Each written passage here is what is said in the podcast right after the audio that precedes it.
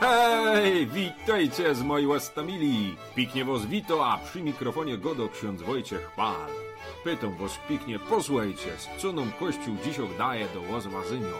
A przygrywa nam piknie kapela Eśta ze Sopłetni.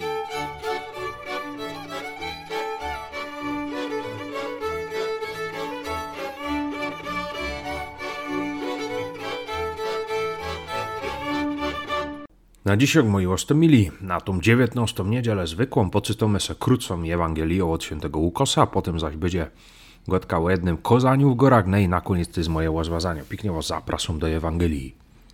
Jezus powiedział do swoich uczniów, niech będą przepasane biodra wasze i zapalone pochodnie, a wy bądźcie podobni do ludzi oczekujących swego Pana, kiedy z uczty weselnej powróci, aby mu zaraz otworzyć, gdy nadejdzie i zakołacze. Szczęśliwi owi słudzy, których Pan zastanie czuwających, gdy nadejdzie. Zaprawdę powiadam wam, przepaszę się i każę im zasiąść do stołu, a obchodząc będzie im usługiwał.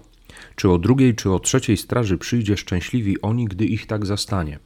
A to rozumiejcie, że gdyby gospodarz wiedział, o której godzinie przyjść ma złodziej, nie pozwoliłby włamać się do swego domu. Wy też bądźcie gotowi, gdyż o godzinie, której się nie domyślacie, syn człowieczy przyjdzie.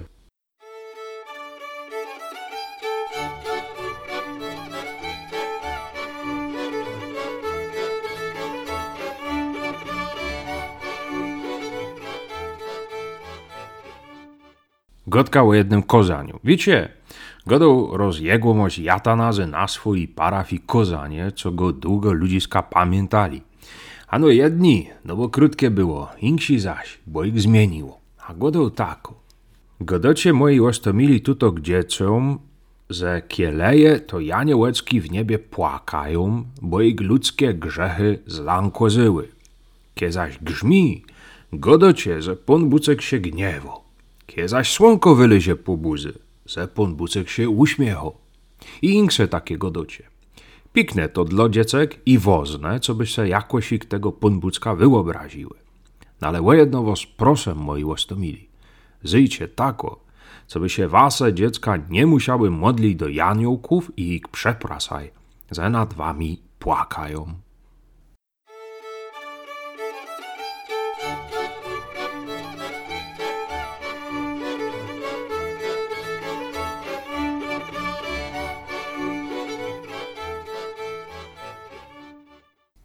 Tak sobie myślę, że dobrze jest, iż nie traktujemy Boga jak bożka przyrody. Grzmi, to znaczy, że się rozgniewał. Pada, to znaczy, że płacze. Smutno mu. Wieje, znaczy się, że wzdycha. Albo parska poirytowany i tak dalej i tym podobne. Taki obraz bóstwa jest oparty na strachu i nic dziwnego, że trzeba składać mu ofiary, żeby bóstwo przebłagać, poprawić mu humor czy coś. Skąd ta myśl? Ano z dzisiejszej Ewangelii. Bycie sługą, który boi się swojego pana, tak się kończy. Odczytuje on humory swojego pana. Ale bycie sługą u pana, do którego przyszedłem z własnej woli i wchodzę we współpracę, bo mnie to rozwinie, to zupełnie inna skala możliwości. Ja tak właśnie rozumiem czuwanie, do którego zachęca Jezus. Czuwanie jako gotowość do współpracy.